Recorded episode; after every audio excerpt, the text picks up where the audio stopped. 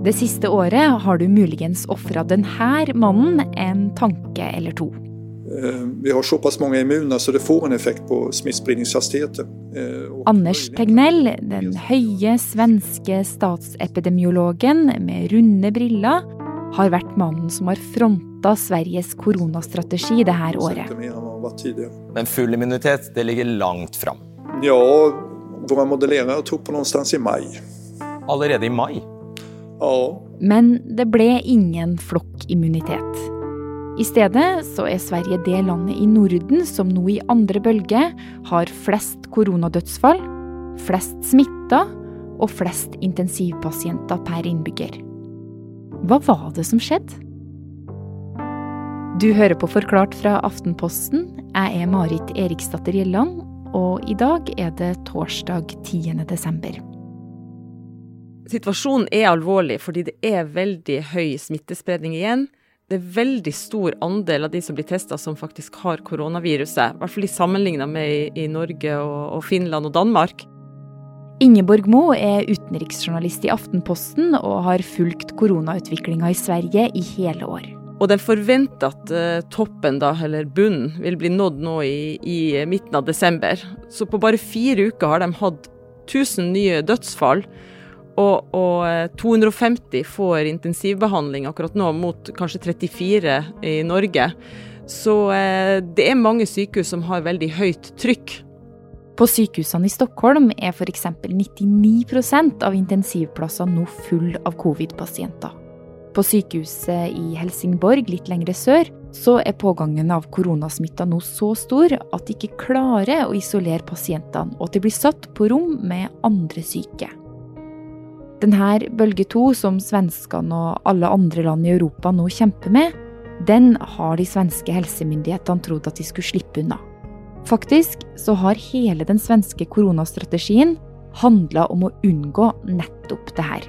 I Norge valgte man å stenge ned samfunnet. I Sverige så mente man at nedstenging ikke var riktig metode mot å stoppe smittespredninga. De mente man måtte ha en strategi som kunne vare over lang tid. Så de lot måte samfunnet være mye mer åpent, men kom med anbefalinger til folk om at de måtte holde avstand, vaske hendene, bli hjemme om de var syke. Men det var en veldig stor forskjell på Norge og Sverige da i, fra midten av mars. For i Sverige så var alle skoler åpne, alle butikker kunne være åpne. Eh, man eh, valgte rett og slett en annen vei. Jeg tror den bakenforliggende tanken her var at en nedstenging eh, kunne ikke vare så lenge, eh, fordi smitten ville blusse opp igjen med en gang man åpna opp. Men at man måtte sørge for at sårbare grupper, altså eldre som var veldig utsatt for dette viruset, ble beskytta, og at, og at helsevesenet hele tida hadde no, god nok kapasitet til å hjelpe dem som trengte det. Og en spådom som på en måte spredte seg, var jo at svenskene etter hvert, ved å ha liksom et mer åpent samfunn, kom til å oppnå en flokkimmunitet men det har jo ikke skjedd. Hvorfor det? Anders Tegnell har jo nekta for at den svenske strategien har handla om flokkimmunitet, selv om mange har lest han slik, og selv om det kan tolkes som et på en måte underliggende premiss. Flokkimmunitet betyr jo at mange nok i et samfunn har blitt smitta av et virus og har blitt immun. På denne måten så klarer ikke viruset å spre seg i samfunnet. Og Jeg snakka sjøl med en svensk matematiker som spådde at Stockholm ville oppnå flokkimmunitet i mai. Slik gikk det jo ikke. Årsaken var at viruset ikke spredte seg slik som et influensavirus gjør, som går jevnt gjennom befolkninga. Dette spredte seg i sånne klynger, og saktere. Så man oppnådde ikke den smittespredninga eller den immuniteten som de trodde de skulle gjøre. Så litt enkelt forklart så sprer ikke korona seg på den samme måten som en influensa eller meslinger. Smitten oppfører seg rett og slett annerledes enn de svenske helsemyndighetene trodde. Men det er bare én av flere grunner til at Sverige nå er ramma hardt av en bølge to.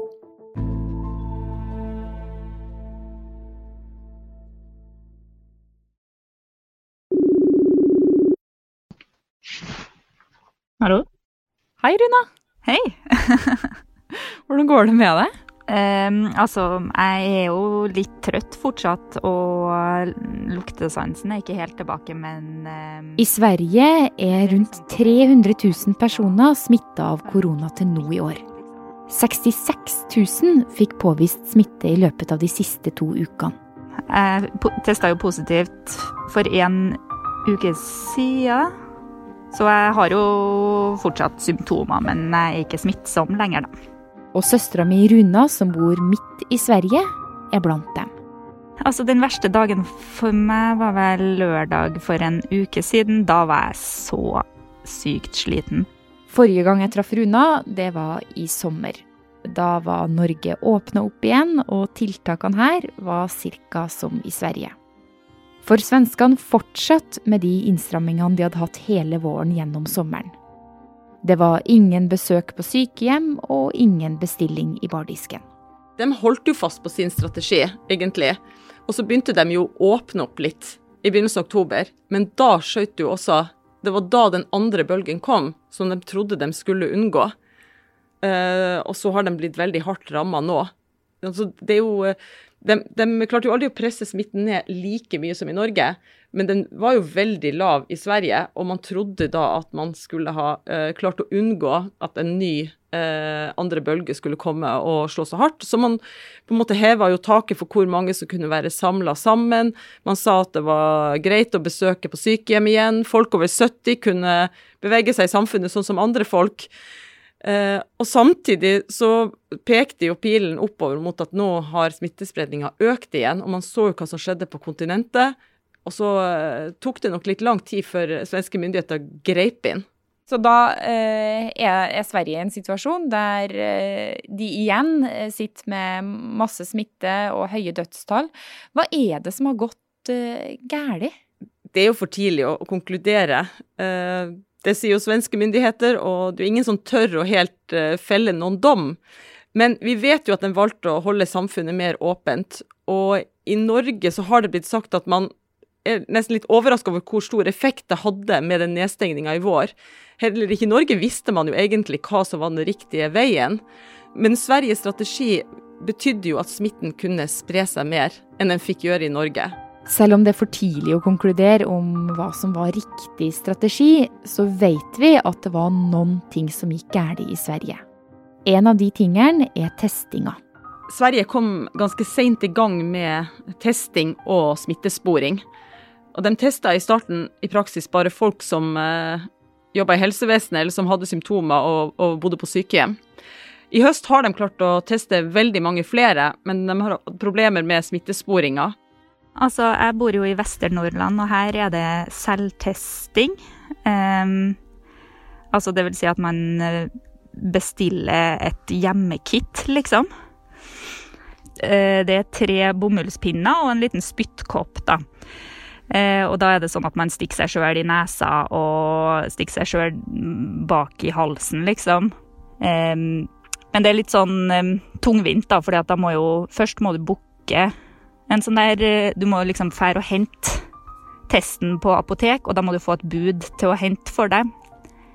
Eh, og de har ikke så tilgjengelige tider, da, så det kan ta litt tid liksom, å få tid til å hente den. Og så tar det en, også opp til tre døgn å få svar. Og så vet vi jo at de eh, svenskene også har bomma på en del av prognosene sine.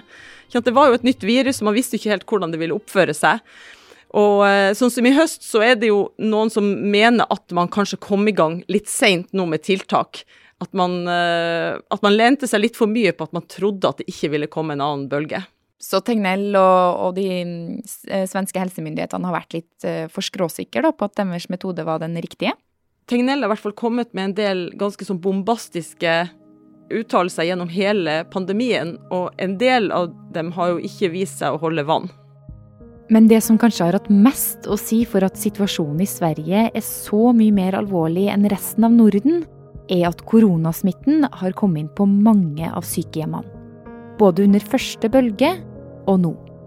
Den svenske strategien har hele tida vært å beskytte utsatte grupper, og ellers holde samfunnet så åpent som mulig. Likevel så har rundt 3000 beboere på svenske sykehjem dødd. 16 ganger så mange som i Norge. Det er vanskelig å hindre at smitten kommer inn på sykehjem når den først er stor smittespredning i, i landet.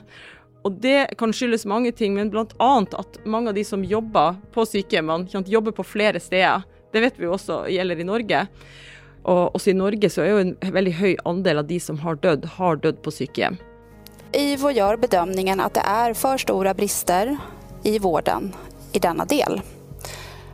For to uker siden kom det en rapport som rysta.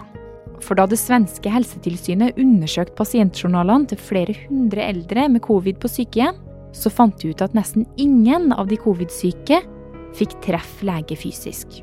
Og det her understryker ytterligere det store alvoret i de her vårdbristene. Og det er selvfølgelig ikke akseptabelt. Ja, den rapporten fra det svenske helsetilsynet bekrefta jo egentlig veldig mye av det som hadde kommet fram i media, og også en del av historien som pårørende hadde fortalt om hvordan de hadde opplevd dette her. Og jeg tror mange var overraska over hvor knusende denne rapporten var over eldreomsorgen. Ja, mange følte jo at deres far eller mor ikke fikk den hjelpa de trengte, og eh, at de nærmest automatisk ble avskrevet fordi de var gammel. Og det å få en besøk av lege når du er syk, eller få en lege til å vurdere ditt tilfelle, blir jo sett på som helt grunnleggende. Og så viste det seg at på veldig mange sykehjem så hadde ikke de eldre fått en slik vurdering. Men den svenske strategien var jo å beskytte nettopp de her gruppa, sånn, gruppene eldre, sårbare. Eh, så hva eh, sier myndighetene til at de ikke har fått til det, da? Pandemien har jo avslørt at det har vært en del svikt i svensk eldreomsorg. Altså som kanskje som var der fra før, da, men som er blitt satt på spissen under pandemien. Så regjeringa lover jo at de skal ruste opp eldreomsorgen. Dette har vært en vekker. Og um, Tegnell, da? Altså, han sier jo at uh, dette er ikke hans spor. Altså, deres strategi var at man skulle beskytte de sårbare, men uh, han sier at han kan ikke svare for uh, eldreomsorgen. Nej, det är ju inte Folkhälsomyndigheten som reglerar hur eh, äldreboenden och särskilda äldreboenden i Sverige, hur de bedriver sin verksamhet. Det finns ju andra som gör det och framförallt så har ju utförarna det största ansvaret. I Sverige så er det Anders Tegnell med de runde brillene som har hatt ansvaret for å sette inn tiltak mot pandemien. Og sånn sett så er det svenske systemet annerledes enn det norske. Her er det Erna Solberg og Bent Høie som sitter i førersetet, mens Folkehelseinstituttet kommer med anbefalinger.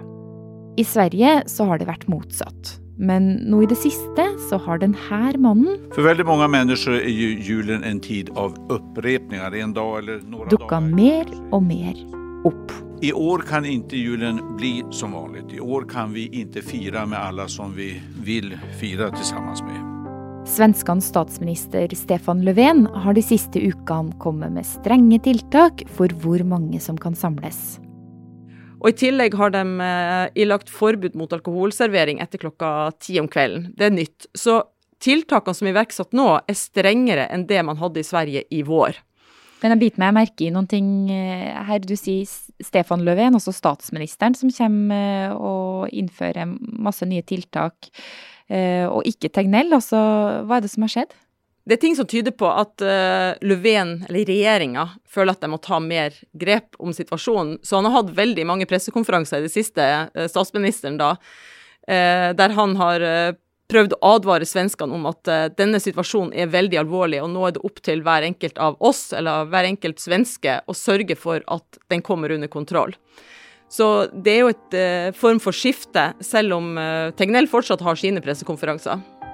Eh, altså, jeg syns jo at det er bra at det kommer litt mer tydelige eh, restriksjoner. At, uh, sånn at det ikke skal være opp til hver enkelt person liksom, å begrense nettverket sitt, men at det liksom kommer ovenifra. Men det, det blir jo litt som at siden Folkehelsemyndigheten ikke stiller seg bak det regjeringa bestemmer, så får man litt sånn inntrykk av at det er litt eh, Ja, det føles litt sånn rotete, på en måte. Men du Ingeborg, nå endrer jo Sverige seg og innfører flere tiltak og blir jo sånn sett mer lik Norge. Men kan det også hende at vi har lært noe av dem? Eh, jeg tror alle land har lært eh, mye av hverandre, både på godt og vondt. Eh, en ting som Anders Tegnell liker å trekke fram, er jo at i den andre bølgen så har alle land valgt å holde skolene åpne, akkurat som Sverige gjorde. Men på andre områder så, så, brukes jo Sverige som et, en form for advarsel om at hvis man lar smittespredningen bli for høy, så har det store konsekvenser. Hvordan blir jula da, Runa? Ja, det blir jo litt uh, tomt å ikke få møte min familie i det hele tatt. Vi får bare snakkes på Facebook, vi da. ja. ja, vi får gjøre det.